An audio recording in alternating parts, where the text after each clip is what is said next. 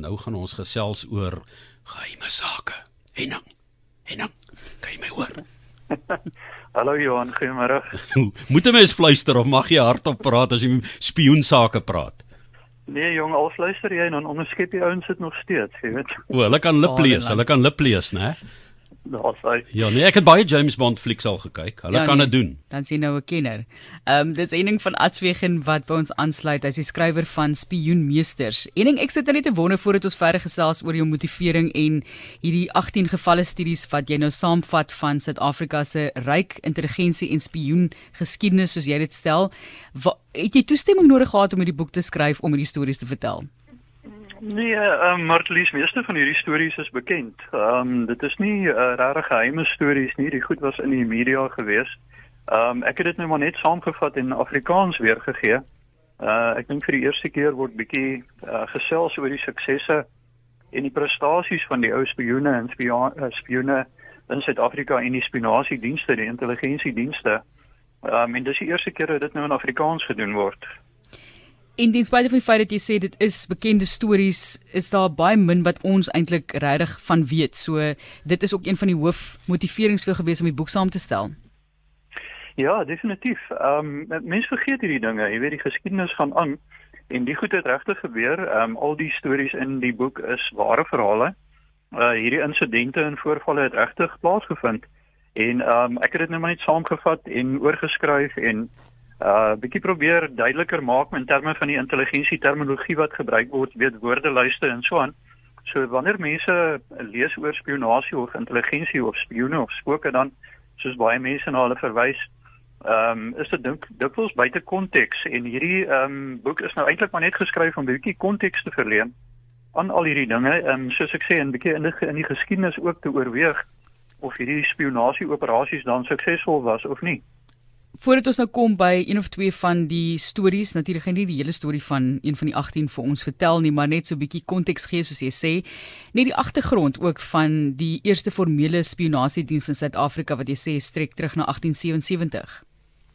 Ja, die boere, jy weet, uh moes ou eintlik nooit onderskat nie. Die boere het al hier in 1877 begin met 'n Transvaalse intelligensiediens baie um uh, kan ek maar sê amper oppervlakkig, maar tog het die ouens die idee gehad, jy weet, dit is nou jy kan dink hoe lank gelede dit nou was, uh, 150 jaar.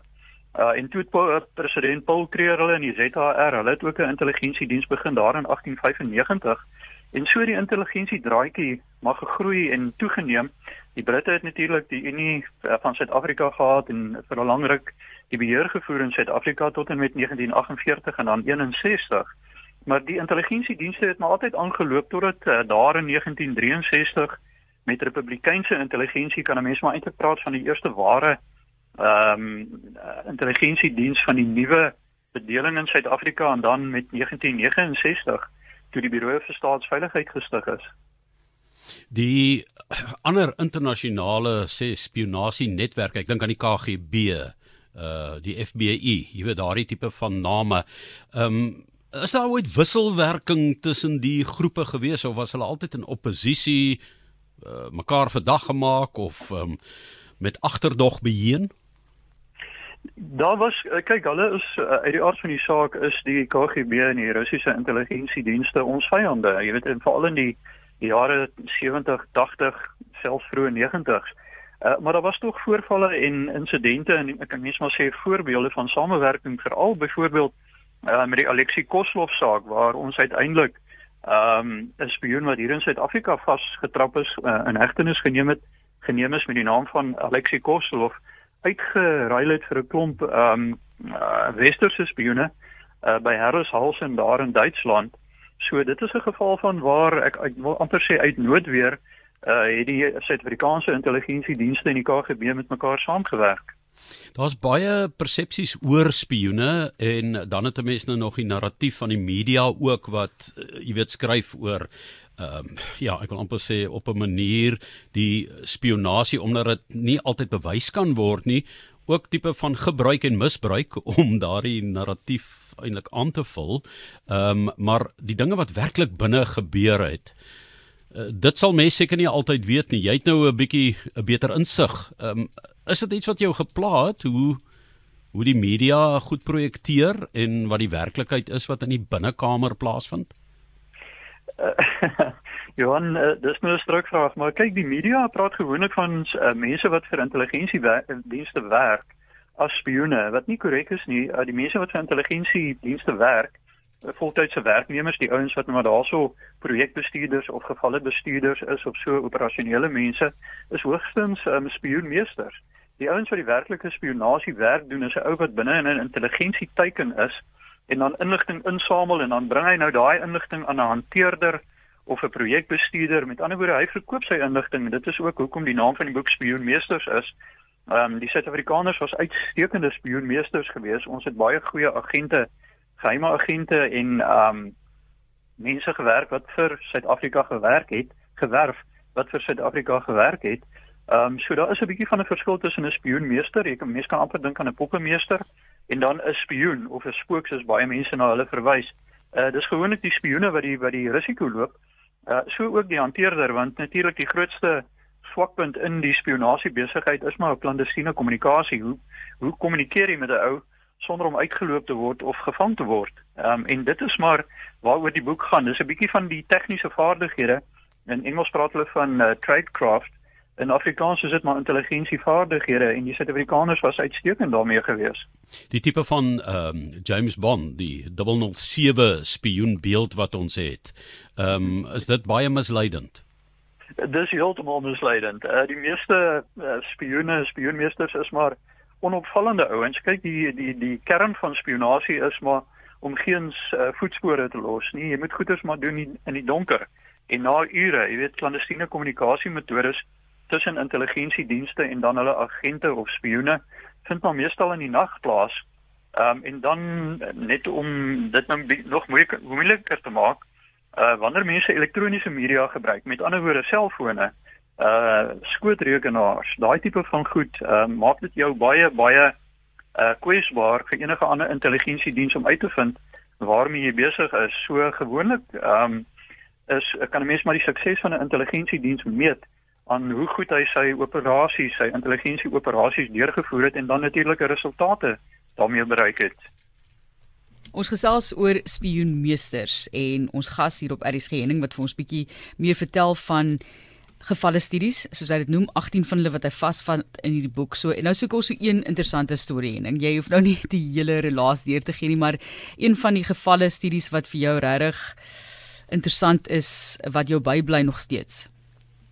Ja, ek dink as 'n mens dink uh, aan die skadelikste um, spioen in Suid-Afrika se geskiedenis, uh, dan is dit ongetwyfeld uh, Dieter Felix Gerard, uh, wat die hoof was van die Simonstad se ehm um, vlootbasis en hy was natuurlik 'n GRU spioen GRU wat die uh, Russiese militêre intelligensiediens is of was.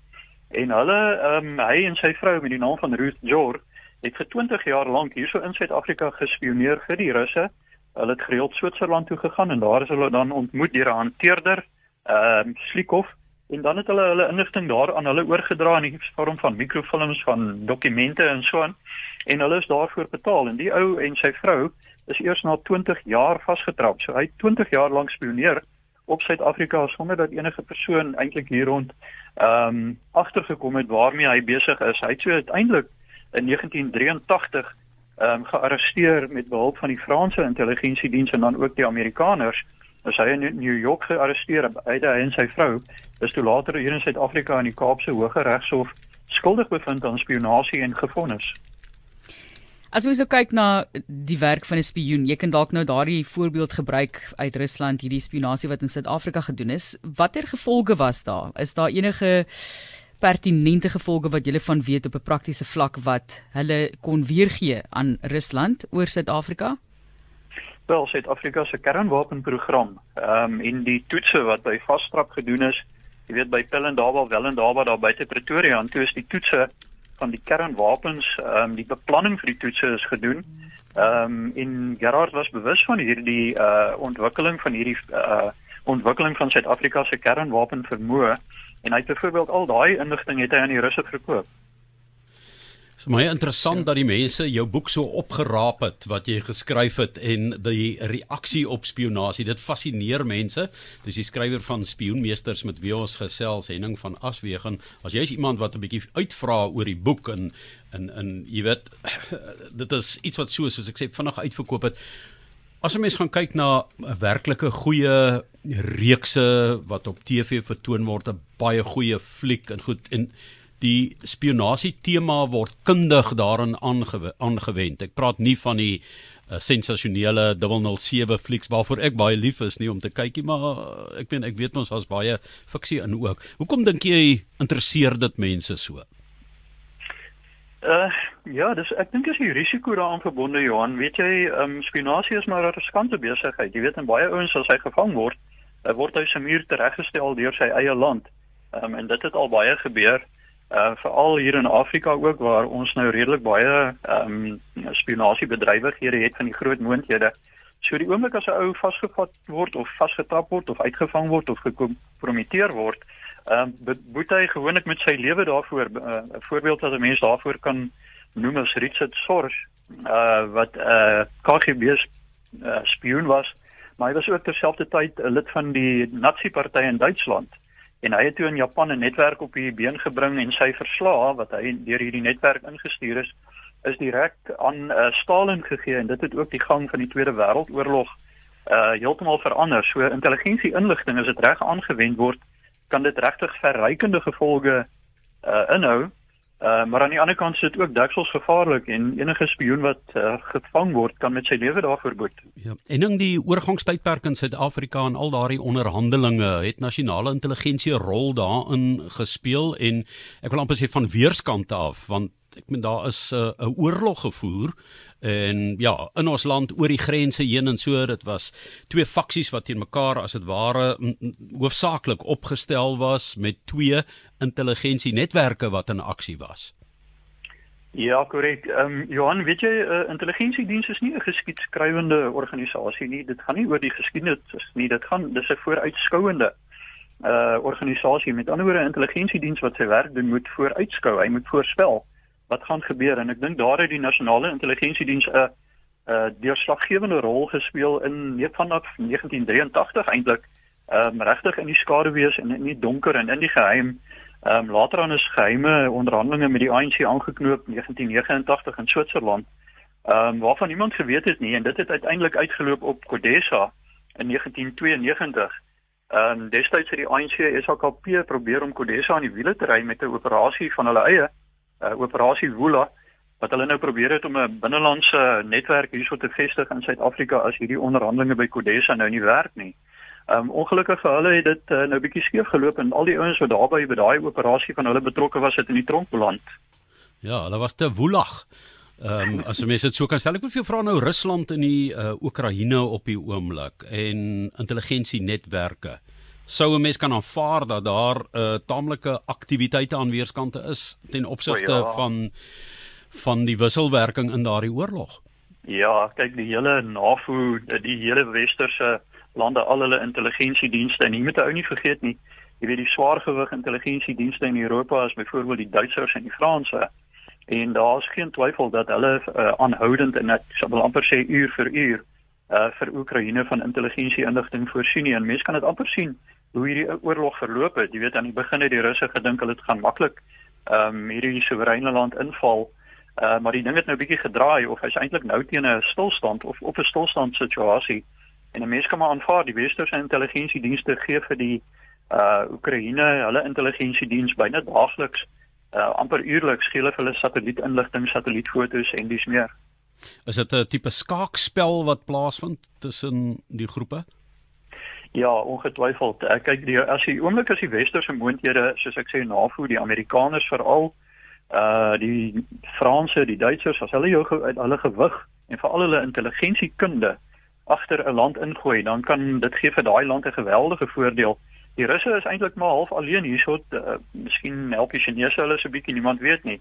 Maar ek dink die Russe veg bietjie hier met een hand agter die rug terwyl die westerse moonte meer uh, moondhede alles in die vermoë aan hulle vermoë werp en alles wat hulle het uh inwerp om die Oekraïne en veral die Oekraïnese intelligensiediens te help.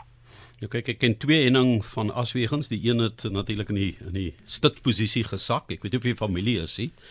En um, dan is dit nou jy wat hierdie belangstelling het in nasionale intelligensie en spioene. Waar kom dit vandaan? Is iets is dit iets wat jou van jongs af gefassineer het? Ja, Johan, ek jou net gou reg help. Die bediening van Aswegen is 'n legende in die Vrystaat. Ek kom ook van die Vrystaat af, maar hy is 'n Springbok.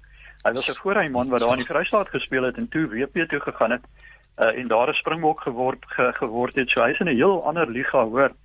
Uh, Maar die uh, nee, dit het maar hierdie uh, belangstelling in die politiek, politieke wetenskap het maar van jongs af begin, ehm um, van universiteit af.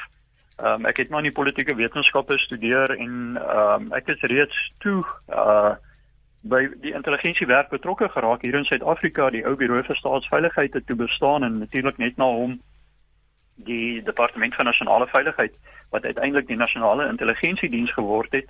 Ehm um, so dit kom al 'n lang pad uh, hierdie belangstelling is eintlik na politieke wetenskap omdat intelligensie werk is maar eintlik 'n politieke instrument. Dit is maar 'n instrument van jou buitelandse beleid en van jou diplomatie. Nou waar laat dit dan 'n mens as die beleid verander? ja, ek ek dink ou moet altyd maar 'n alwe wetenskaplike benadering volg tot hierdie uh, dinge en kyk na die wetgewing en kyk hoe wetgewing verander. Ehm um, kyk daar is nie 'n land in die wêreld wat nie 'n intelligensiediens het nie. Elke land in die wêreld het 'n spionasiediens of 'n intelligensiediens.